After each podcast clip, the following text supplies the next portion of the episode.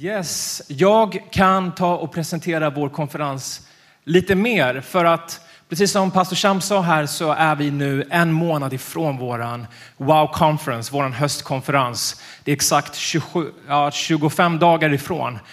Och eh, temat är I believe. Och det ordet vi står på för den här konferensen är utifrån Markus kapitel 9. Och jag vill bara börja med att dela det ordet den här morgonen innan vi går vidare på det budskapet jag har. För att vad jag vill göra den här morgonen, det är att jag vill att den här konferensen ska få verkligen planteras i ditt hjärta. Att du ska börja förbereda ditt hjärta, att du ska börja sträcka dig, att du ska börja stretcha din tro för allting som du längtar efter att Gud ska få göra i ditt liv. Så låt oss läsa Markus kapitel 9, vers 14 till vers 29. Det kommer upp på skärmen här också, men det står så här. När de kom till de andra lärjungarna såg de mycket folk omkring dem och de skriftlärda som diskuterade med dem. Så snart allt folket fick se Jesus blev de mycket häpna och skyndade fram och hälsade på honom. Han frågade dem, vad är det ni diskuterar om? En man i skaran svarade honom, Mästare, jag för till dig min son som har en stum ande. Och var den än får tag i honom slår den ner honom och han tuggar fradga och skär tänder och blir stel. Jag bad dina lärjungar driva ut den, men de kunde inte. Jesus svarade, du släkte som inte vill tro, hur länge måste jag vara hos er? Hur länge ska jag stå ut med er? För honom till mig. Och de kom med honom till Jesus. Så snart anden fick se honom slet den i pojken och han föll till marken och vältrade sig och tuggade fradga. Man tror att den här pojken hade epilepsi. Jesus frågade hans far, hur länge har det varit så med honom? Fadern svarade, sedan han var barn. Ofta kastar anden honom i, eh, ofta kastar anden honom en i elden och en i vattnet för att ta livet av honom. Men om du kan, så förbarma dig över oss och hjälp oss. Jesus sade till honom, om du kan, säger du, allt förmår den som tror. Genast ropade barnet far, jag tror, hjälp min otro. Jesus såg att ännu mer folk strömmade till och han sa strängt till den orena anden, du stumme och döve ande, jag befaller dig, far ut ur honom och kom aldrig mer in i honom. Och den orena anden skrek och ryckte våldsamt i honom och for ut. Pojken var som livlös och de flesta sa att han var död. Men Jesus tog honom i handen och reste upp honom och han steg upp. Och när Jesus hade kommit inomhus och lärjungarna var ensamma med honom frågade de varför kan inte vi driva ut honom? Varför kunde inte vi driva ut honom? Och han svarade, detta slag kan endast drivas ut med bön. Ett kraftfullt ord, eller hur? Det här ordet som vi står på för den här konferensen. Och så här ser vi en far som kommer med sin son. Desperat behov av ett helande och ett ingripande från Gud. Och han säger till Jesus, om du kan, om du kan hela min son så hela honom. Och Jesus svarar honom, om jag kan. För den som tror är allting möjligt. Och vad den här konferensen handlar om det är att precis som den här pappan kom med sin son, han kom med ett behov. På samma sätt så kanske du kommer till den här konferensen med ett behov. Kanske i ditt egna liv, kanske i din familj, kanske en son, kanske en dotter. Vad det än kan vara. Och du kommer till Jesus och du ber Jesus, kan du röra vid det här? Kan du, kan du hela det här, den här situationen? Och våran bekännelse ska vara, jag tror. Amen. Jag tror. Och jag vill bara lägga en grund för det jag ska dela den här morgonen. För att den här pappan, han hade säkert gjort allt han kunde i sin kraft och i sin makt för att hjälpa sin son. Han hade säkert offrat på altaret för att se sin son helas. Han hade säkert tagit med sin son till läkare. Han hade säkert bett om förbön av präster och även av Jesus lärjungar. Och ända från den här pojkens barnsben så hade han sett sin son lida om och om och om och om igen av den här sjukdomsanden. Och precis som jag sa, man trodde att den här pojken hade epilepsi. Jag växte upp med en syster som hade epilepsi. Jag vet vilken smärta det är. Jag vet hur, hur fruktansvärt det är att se någon man älskar hela tiden gå igenom ett lidande av den här sjukdomen. Och den här pappan hade säkert flera gånger vacklat i sin tro. Han hade säkert flera gånger tvekat. Kommer det komma ett mirakel? Kommer mitt genombrott komma? Kommer jag se min son stå upp? Kommer jag se min son få det livet som jag önskar att han hade fått? Och i desperat sista försök så söker han sig till Jesus och Jesus helar hans son. Visst är det fantastiskt? Och jag vet inte vad du står i tro för i ditt liv just nu. Jag vet inte vad du längtar efter, vad du kanske har bett om. Du kanske har sett en situation från att du var i barnsben och du har bett och du har kämpat och du har väntat och du ber Gud, när kommer mitt genombrott? Den här morgonen så vill jag lyfta din tro. Jag vill lyfta din ande och, och din proklamation ska bli jag tror. Hjälp mig nog tro. Säg efter mig, jag tror. Amen. Så att vi är i en månad av förberedelse och det här är en förberedelsesöndag för vad Gud ska få göra i ditt liv, vad han ska få göra i vår församling. Att vi inte kommer till den här konferensen och bara halkar in och tänker vad ska hända den här konferensen? Vad ska Gud göra nu? Jag längtar efter att se Guds hand som aldrig förr. Jag längtar efter att se äktenskap upprättas. Vi ser det, men jag längtar efter att se det ännu mer. Jag vill se ännu fler helanden. Jag vill se ännu fler människor bli befriade från droger, alkohol och missbruk. Det var vad mitt hjärta brinner för inför den här konferensen och idag så vill jag väcka ditt hjärta. Jag vill väcka din ande, jag vill väcka din tro att tro på det omöjliga. Att när vi tror på Jesus så kan han göra precis vad som helst. Amen. Så vi bara lägger den här stunden i Guds ande. Fader, vi tackar dig för att du är på den här platsen. Vi inbjuder dig, helige ande, trons ande, att kom och fyll våra liv. Blås ditt liv i oss den här morgonen. Jag ber för varje wow-församling som tittar just nu, Fader. Kom över varje plats, kom över varje sal och varje rum, Gud Herre. Vi inbjuder dig den här dagen att tala till oss, Fader. Öppna våra ögon, öppna våra hjärtan för ditt ord den här morgonen. I Jesu namn. Amen. Amen. Så det här är en månad av tro. Och man kan läsa om trons hjältar i Hebreerbrevet kapitel 11. Det är ett fantastiskt kapitel. Jag hade gärna velat läsa det rakt upp och ner för att när jag läste det häromdagen så blev jag fullständigt förkrossad. Men det är så långt kapitel så jag hinner inte läsa det. Men när du läser Hebreerbrevet kapitel 11 så får du höra hur författaren nämner alla de hjältarna i tron som har gått före. De nämner deras namn, de nämner vad de gjorde. Författaren nämner Abel, Noa och arken. Han nämner Abraham som lämnade sitt land, Sara som fick en son, Jakob, Josef, Mose, David, Gideon. Alla de här personerna som gjorde enorma stordåd för Gud nämner han i det här kapitlet. Människor som offrade allt för att följa det Gud hade lagt på deras hjärtan och deras liv. Men jag vill bara läsa ett stycke utifrån det här kapitlet som talade till mig så starkt och det är från vers 13. Hebreerbrevet kapitel 11, vers 13. Där det står så här, det här är liksom sammanfattningen kan man säga om alla de här hjältarna. I tron dog alla dessa utan att få veta det som var utlovat. Men de såg det i fjärran och hälsade det och bekände sig vara gäster och främlingar på jorden. De som talar så visar därmed att de söker ett hemland. Om de hade menat det land som de hade gått ut ifrån hade de tillfälle att vända tillbaka dit. Men nu längtar de till ett bättre land, det himmelska. Därför blygs inte Gud för att kalla deras Gud, till han har ställt i ordning en stad åt dem. Vi fortsätter att läsa från vers 33. Genom tron besegrade de kungariken, skipade rätt, fick löften uppfyllda, täppte till lejons gap, släckte rasande eld och undkom svärdsägg. De var svaga men blev starka. De blev väldiga i strid och drev främmande härar på flykten. Kvinnor fick tillbaka sina döda genom uppståndelse. Andra torterades och de vägrade att låta sig befrias för att få en bättre uppståndelse. Andra utstod hån och gisselslag, ja, även bojor och fängelse. De blev stenade, söndersågade eller dödade med svärd. De gick omkring i fårskinn och gethudar, led brist, blev plågade och misshandlade. Världen förtjänade inte att hysa dem.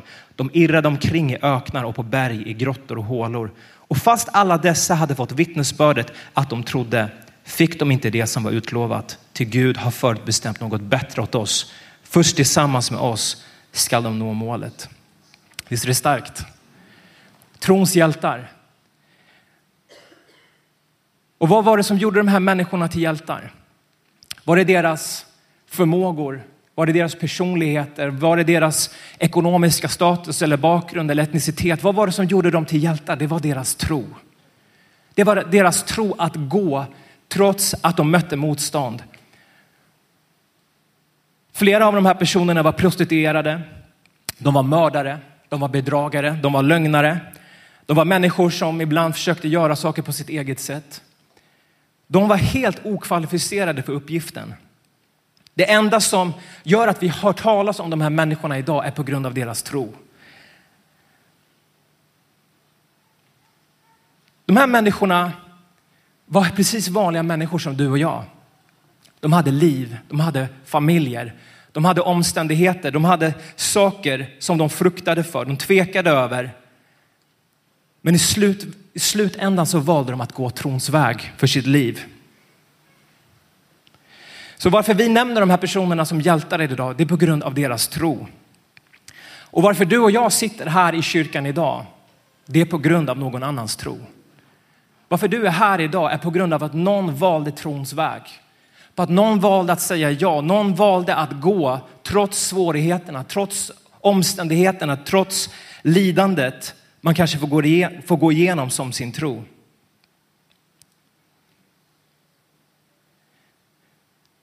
Och jag tror vi alla vill leva det här livet. Vi vill leva liv av tro.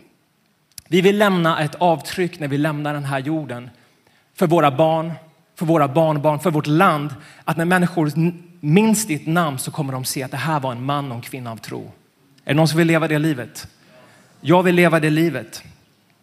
Men att tro är inte alltid enkelt.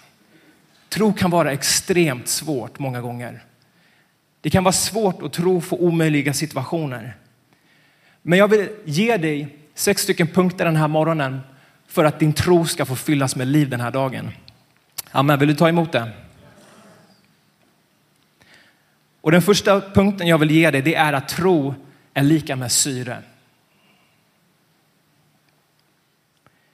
Från första stunden när du tar emot Jesus i ditt liv så är första gången din ande tar ett andetag. När du först bekänner din tro på Jesus Kristus så är det som att din ande får liv för första gången och din ande tar sitt första andetag. Men ibland när vi har gått i vår vandring med Gud, vi har gått i vår vandring tillsammans med Herren, så kan ibland det bli som att vi känner att vi får syrebrist i vår tro. Jag vet inte om du har gått upp för ett högt berg någon gång. När vi brukar åka till Colombia så finns det ett berg som ligger ungefär 3000, över, 3000 meter över havsytan. Om du går upp för det berget så är du helt slut. För att det syre tar, ut, tar, tar slut ju, ju högre upp du kommer. Och precis så kan det vara i våra liv. Ibland är det som att vi, vi vandrar med Gud men att, att våra, vårt syre börjar ta slut. Vår tro börjar ta slut. Det kan vara på, på grund av olika erfarenheter i våra liv. På grund av olika situationer vi går igenom. Att vi, vi kanske har stått i tro för en situation och vi känner att, att min tro blir svagare och svagare. Och sanningen är att, att tro är det enda som gör att du kan leva genom ditt kristna liv. I din vandring med Gud, i din relation med Gud. Om du inte har tro så kan du inte komma till Gud. Hebreerbrevet kapitel 11, vers 6 säger så här. Men utan tro är det omöjligt att behaga Gud. Till den som kommer till Gud måste tro att han är till och belöna dem som söker honom. Alltså kan vi inte göra någonting i våra liv om vi inte har tro. Vi kan inte förmå någonting i våra liv utan tro. Vi kan inte ens, vi kan inte ens egentligen komma och söka Gud om vi inte gör det med tro. Tro är syret för din ande som gör att din ande varje dag slår och fungerar som den ska. Det står så här i Romarbrevet kapitel 1, vers 17. Rättfärdighet från Gud uppenbaras i evangelium av tro till tro som det står skrivet. Den rättfärdige ska leva av tro. Så vad är det jag vill säga med det här? Du, vi, vi kan inte leva utan tro. Om du känner att din tro har förminskats så är det otroligt allvarligt för våra kristna liv. Vi kan inte fortsätta leva som troende om vi inte har tro. Och jag vill bara ge dig en bild på det här den här morgonen. Jag ska be Nahom komma upp här, jag behöver din hjälp. Ge honom en stor applåd.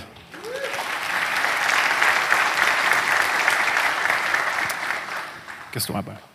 Så hur får vi tro? Jag är säker på att du den här morgonen Att du vill ha mer tro i ditt liv. Jag vill ha mer tro i mitt liv. Och Romarbrevet kapitel 10, vers 17 säger att alltså kommer tron av predikan och predikan i kraft av Kristi ord. När du är här den här morgonen, när du kommer till församlingen så tankar du på ditt syre. Du tankar på din tro. När du hör ordet predikas, när du kommer till din wow-grupp, när du öppnar din bibel varje morgon, då är det som att du ger din, din ande syre och tro för allting som du ska möta. Men det räcker inte med att bara komma till kyrkan och tanka på sin tro en gång i veckan, eller hur? Det räcker inte.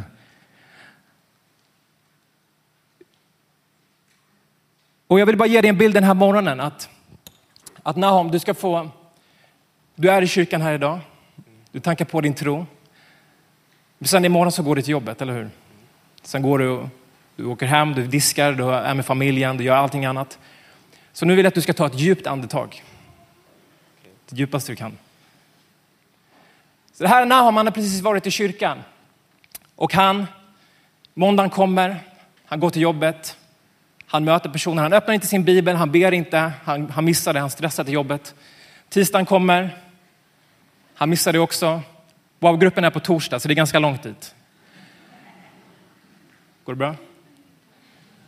Onsdagen kommer, det är en lång dag. Han möter lite motstånd, han går i köttet, han blir arg, han bråkar med sin fru. Och sen så kommer torsdagen. Och då får han ta ett litet andetag. För han kommer till wow-gruppen där han av sin ledare får Guds ord, han får tro, han får gemenskap. Han tappade, han tappade andan innan han kom till wow-gruppen. Men ibland så kan det vara så här i våra kristna liv att vi undrar så varför händer inget i mitt liv? Varför står jag still? Varför, känner, var, var, varför stannar jag upp i min kristna, min kristna liv, min kristna vandring? Det är för att vi så många gånger vi lever på ett andetag och vi tror att vi ska överleva en vecka, ibland till och med två veckor. Och vi bara backar, vi blir svagare och, och du helt plötsligt så bara slår du dig till ro och du bara accepterar hur saker är. Men att, att vi måste leva i tro varje dag. Vår ande kan inte somna, vår ande behöver syre dagligen. Varför din wow-ledare är på dig med din devotional, det är inte för att han eller hon vill skada dig eller vara jobbig eller attackera dig eller veta vad, vad du får av Gud. Nej, din wow-ledare vill att du ska göra din devotional så att du kan leva. Så att din ande får liv, så att du andas, så att du kan springa, så att du kan gå framåt. Amen. Ska vi ge honom en stor applåd?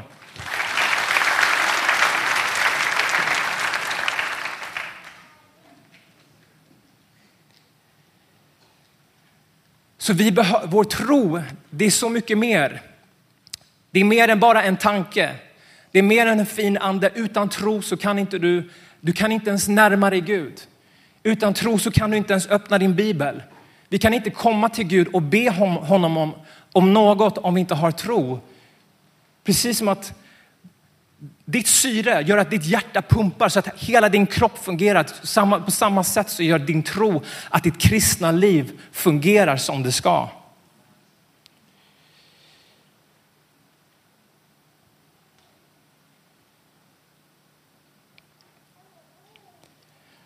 Och Guds ord beskriver också tron som en sköld, som trons sköld.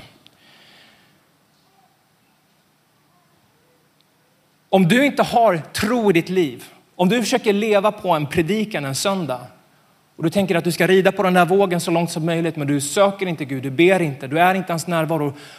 Och ibland så kanske du kommer till Gud, men du inte ens tror på att han kan göra det han har lovat. Hur ska du orka hålla upp skölden av tro? Tron är ditt beskydd. Tron beskyddar dig. Det står i Romarbrevet om andens vapenrustning att, att tron släcker fiendens alla brinnande pilar. Har du känt dig attackerad? Har du känt att fienden har slagit dig? Det är kanske för att din tro har stagnerat, du har stannat upp, du får inget syre, ditt, ditt kristna liv får inget syre.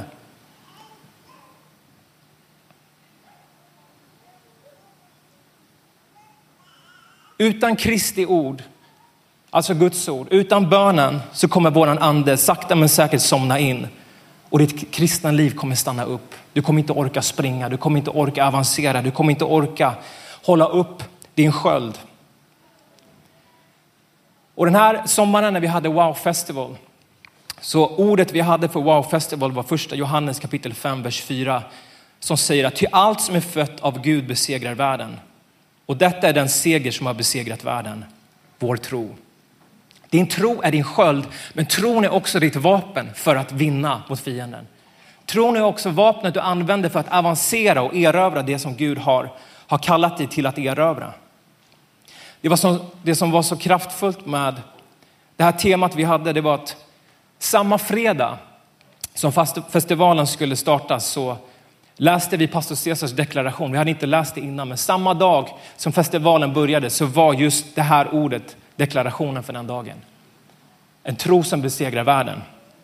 Det var en, en profetisk eh, vecka, det var helt fantastisk. Vi såg så mycket helande, vi såg så mycket upprättelse och, och människor som fick möta Jesus.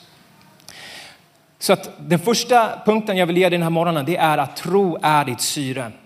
Den andra punkten jag vill ge dig, det är att tro är lika med att ta initiativ. Och de här två punkterna hänger ihop, hänger ihop för att tro kan aldrig stanna upp.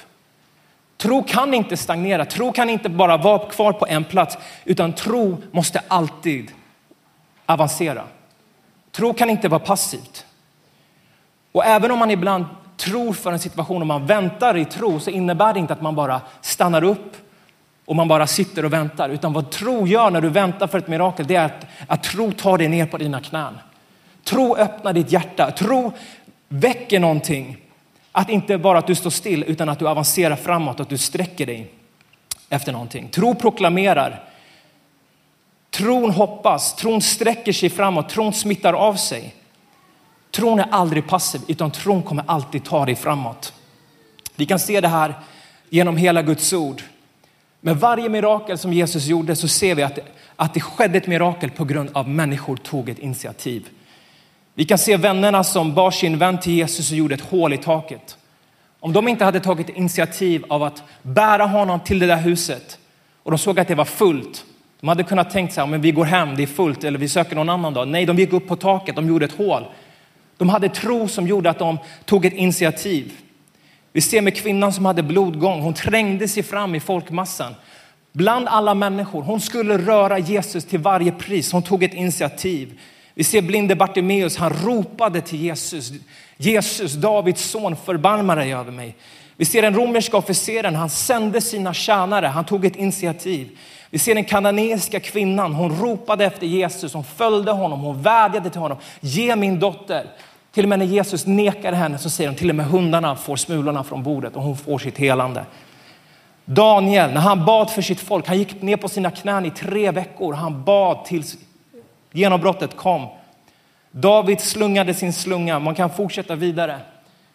Pappan i Markus 9, han tog sin son trots hans anfall som han kom. Han tog honom bland människor trots skammen han kunde känna bland de som såg honom. Människor tänkte säkert att den här pappan han förtjänar säkert den här sonens sjukdom. Han brydde sig inte om vad någon tänkte. Han sa, hans initiativ var jag måste ta honom till Jesus. Tro tar initiativ. Tro står inte still, tro inte passivt, utan tro kämpar in till sista blodsdroppen. Det står så här i Jakobs brev kapitel 2, vers 14 till 17. Mina bröder, vad hjälper det om någon påstår, påstår sig ha tro men saknar gärningar? Kan väl en sådan tro frälsa någon? Om en broder eller syster inte har kläder och saknar mat för dagen och någon av er säger till dem, gå i frid, klä er varmt och ät er mätta, men inte ge dem vad kroppen behöver. Vad hjälper det? Så är, det också, så är också tron i sig själv död när den är utan gärningar. Din tro får aldrig stanna upp. Din tro måste fortsätta framåt. Och om du känner att du har kommit till en plats där du känner att jag har tappat min tro jag har stått still i flera år. Då är det dags att, att hämta ny tro från Guds ord, från din ledare, från församlingen, från predikan, från ordet, från Guds ord, från Gud själv. Och sen att du börjar röra dig framåt. Att du börjar ta initiativ. Vad den är, om det är telefonsamtal du ska ringa, om du ska gå ner på dina knän, om du ska börja en fasta, om du ska ge ett offer. Vad den är, stå aldrig still. Du kanske inte vet vad du ska göra. Det gör ingenting, gör någonting. Gå i tro. Koppla samman med andra personer, med andra ledare, med, med vänner som du har förtroende för. Stå, stå tillsammans med mig i bön för den här saken. Ta, ta ett initiativ. Tro tar initiativ. Den tredje punkten är att tro är lika med att släppa taget. Tro är lika med att släppa taget. Och det kanske finns en situation i ditt liv och du kanske har försökt kontrollera det på något sätt. Du kanske har försökt liksom lösa det på ditt eget sätt. Du kanske varit helt fångad av den här situationen och bara när ska det ske? När ska det ske? Istället för att fokusera på det här problemet, börja rikta ditt fokus på Gud. Folk, folkskarorna kom till Jesus för att få sitt mirakel. De hade bara sitt mirakel i fokus och de fick sitt mirakel och de gick hem. Men de blev aldrig förvandlade. Lärjungarna såg på Jesus och de följde Jesus. Jesus är ditt mirakel. Jesus är den som kommer, inte genom din kraft, utan genom hans kraft. Tro handlar inte om att du ska veta hur det ska gå till. Tro är att tro på Jesus. Tro inte att, vi, att för att se ett resultat, utan tro handlar om att tro på Jesus. Och vi kan se det här också genom troshjältarna som vi läste om i brevet kapitel 11. Att varje person behövde släppa taget om någonting. Abraham behövde släppa taget om sitt hem, sitt hemland, sin familj. Mose behövde släppa taget både om sin stolthet men även om sin mindervärdighet. Simson behövde släppa sin styrka. Alla, alla de här hjältarna behövde släppa taget om någonting. Många av de här personerna gav Gud till och med ett nytt namn för att de skulle få en ny identitet. Lämna det som hade varit och kliva in i någonting nytt. Gud kanske behöver sätta ett nytt namn över ditt liv den här konferensen. Ditt mirakel kanske handlar om, om dig och din vandring med Gud. Att tro innebär att släppa taget och över hur saker och ting ska gå ut, att ge kontrollen fullständigt till Gud och säga ske din vilja, inte min. Jag kommer tro dig oavsett om jag ser det här miraklet eller inte. Min tro är inte baserad på resultatet, min tro är baserad på vem du är. Det här var precis vad Sadrak, Mesak och Abednego sa precis innan de kastades in i ugnen. De sa det spelar ingen roll om Gud räddar oss så räddar han oss, men om han inte räddar oss så, så tror vi ändå. Det var deras bekännelse. Så att tro är lika med att släppa taget. Tre punkter till. Är ni med mig den här morgonen? Fjärde punkten är tro är lika med övergår känslor och intellekt. Vår tro övergår vad vi känner. Vår tro övergår vad vi tänker. Vår tro är helt oberoende från vad du känner den här morgonen. Din tro är helt oberoende av vad du tänker. Om du känner att du tror så är det fantastiskt. Det är väldigt härligt. Men om du inte känner att du inte tror så kan du tro ändå. Tro handlar inte om vad du känner. Om din tanke förstår vad Gud ska göra den här konferensen. Jag vet inte vad Gud kommer göra och jag bryr mig inte hur det ska gå till. Din tro är helt oberoende av ditt intellekt och din, ditt, din logik och ditt förstånd. Din tro är någonting så mycket större. Våra känslor ändras dagligen, säkert flera gånger om dagen utifrån den informationen som vårt sinne hela tiden matas av. Så känslorna går höger till vänster. Du kan inte basera din tro på vad du känner. Du kan inte låta dina känslor styra din tro, utan din tro måste styra dina känslor. Det står i Jakobsbrevet kapitel 1, vers 6 till 8. Man skall be i tro utan att tvivla. Till den som tvivlar liknar havets våg som drivs och piskas av vinden.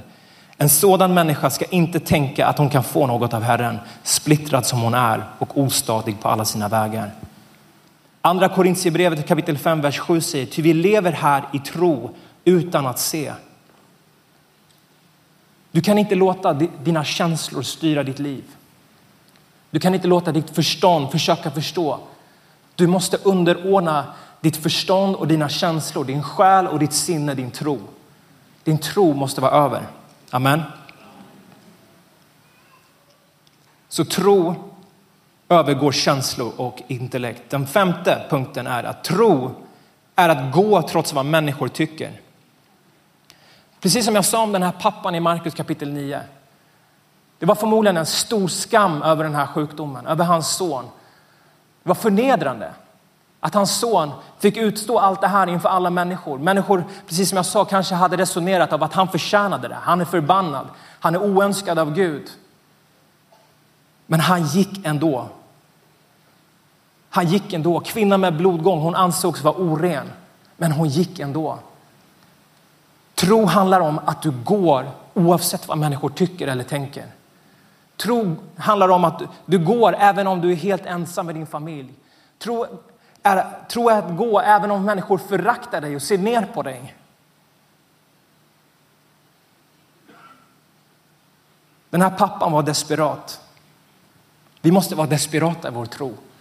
Att vi kan inte låta människofruktan eller människor styra vad vi tror på eller vad vi inte tror på. Och någonting jag påminns om väldigt mycket i, med den visionen vi arbetar, det är att ibland så kan man känna sig föraktad, både som kristen men även, även av andra kristna ibland. Människor förstår inte varför arbetar ni med G12-visionen? G12-visionen handlar bara om en sak och det är tro. Det är att vi har sett någonting som inte ännu finns till. Att vi har sett tusentals familjer bli upprättade och helade. Och precis som Noa i arken, han byggde på en ark. De tror att det aldrig hade regnat förut. Människor förstod inte vad han höll på med. De tyckte han var knäpp och galen. De skrattade åt honom, de hånade honom, de frös ut honom. Men han hade sett någonting som ingen annan hade sett. Han byggde på någonting som ingen annan hade sett förut. Och det var för att Gud hade gett honom vision. Räddning för sin familj, räddning för, för, för oss, för framtiden. Och precis på samma sätt är det när du, när du sätter händerna till verket. I den här församlingen, du arbetar med G12-visionen, det är inte för en själv utan det är för att vi har sett någonting större. Det är för att vi bygger på en ark. Vi bygger på någonting som ska bli till välsignelse för vårt land och för våra familjer. Ni som har flyttat ut till Wow-församlingarna, kanske finns flera av er som har flyttat och dina föräldrar eller syskon har inte förstått liksom, vad håller du på med, varför ska du flytta för, varför gör du inte det här eller det där? Eller att du kanske är nyfrälst här i kyrkan och du kanske har ändrat din livsstil och dina vänner undrar liksom, varför är du inte med och festar längre, varför gör du inte de här, de här sakerna längre? Din tro kan inte vara beroende av vad människor tycker eller tänker om dig. Du kan inte låta människor hålla tillbaka dig. Du måste fortsätta framåt. Noa var ensam på hela jorden. Om du var ensam här i Sverige idag skulle du fortsätta tro. Vår tro måste vara baserad på att vi skulle fortsätta tro oavsett om ingen annan skulle tro.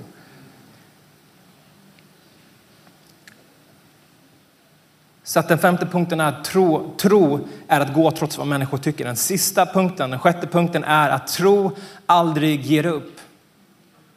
Tro ger aldrig upp.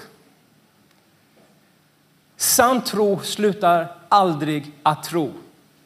Oavsett vad som sker. Oavsett vilka stötestenar, oavsett om det inte blir som jag har tänkt mig, oavsett om jag inte har sett det ske så, så fortsätter tron att tro och hoppas.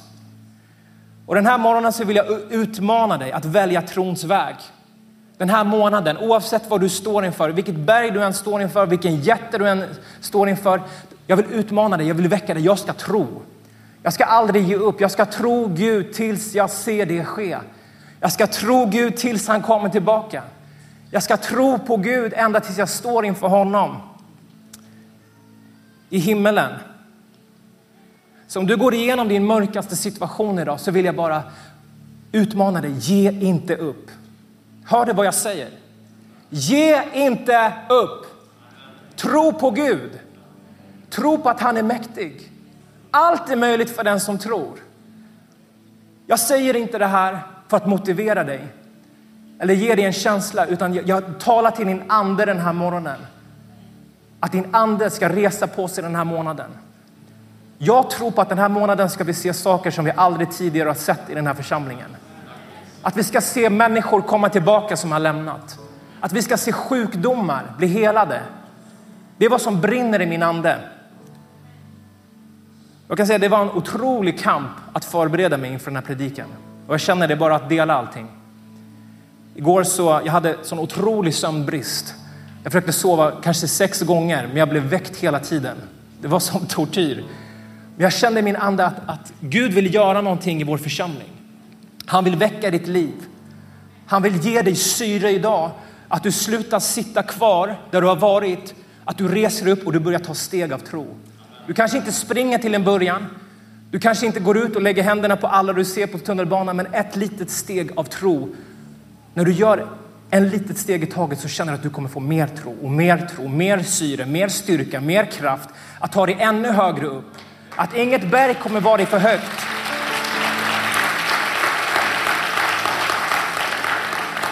Så om du går igenom din mörkaste situation idag, kanske ett helvete, du, ingen här kanske vet vad du går igenom. Ge inte upp. Tro på Gud. Fortsätt. Om du inte vet vad du ska göra, fortsätt tro på Gud.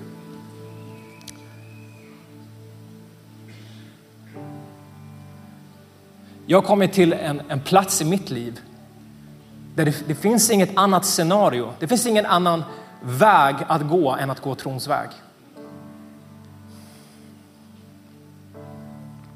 Det är precis som Petrus säger till Jesus, Herre till vem skulle vi gå? Du har det eviga livets ord. Du kanske har tänkt B-planer. Ja, men om, om det här inte håller, då gör är det här. Vet du en sak? Bränn dina livbåtar. Sätt dig i hans båt. Fortsätt trons väg. Ge inte upp. Tro på Gud. Höj din röst, lyft din blick, tala ut Guds ord. Den här månaden så har vi morgonbön 05.30 varje morgon om du är med i en wow-grupp. Anslut dig till den bönen. Gå ner på dina knän där du är hemma. Det kanske är jobbigt att gå upp tidigt. Vi måste bli desperata. Vi måste ta initiativet. Alltså om du inte fick luft här inne just nu, då skulle du skrika och vifta på dina händer att någon skulle hjälpa dig. Om du känner att din ande håller på att kvävs, ropa på hjälp. För Gud vill ge dig syre den här morgonen och din ledare vill ge dig syre. Den här församlingen vill ge dig syre in i ditt kristna liv. Så att vi tror, vi tror på att vi ska inta det här landet. Vi tror på att tolv församlingar ska planteras. Vi tror att Sverige ska förändras. Vi tror att människor ska bli frälsta. Människor ska helas, familjer ska upprättas. Jag har en bön i mitt hjärta. Jag vill se människor med epilepsi bli fullständigt helade. Det största och bästa sättet jag kan slå tillbaka på den smärtan som, som den här världen och den här fienden har orsakat mig, det är att jag vill se människor bli helade, upprättade och få möta Jesus. Låt all den smärtan som har funnits i ditt liv få vändas till välsignelse och få vändas till att Guds rike får bredas ut.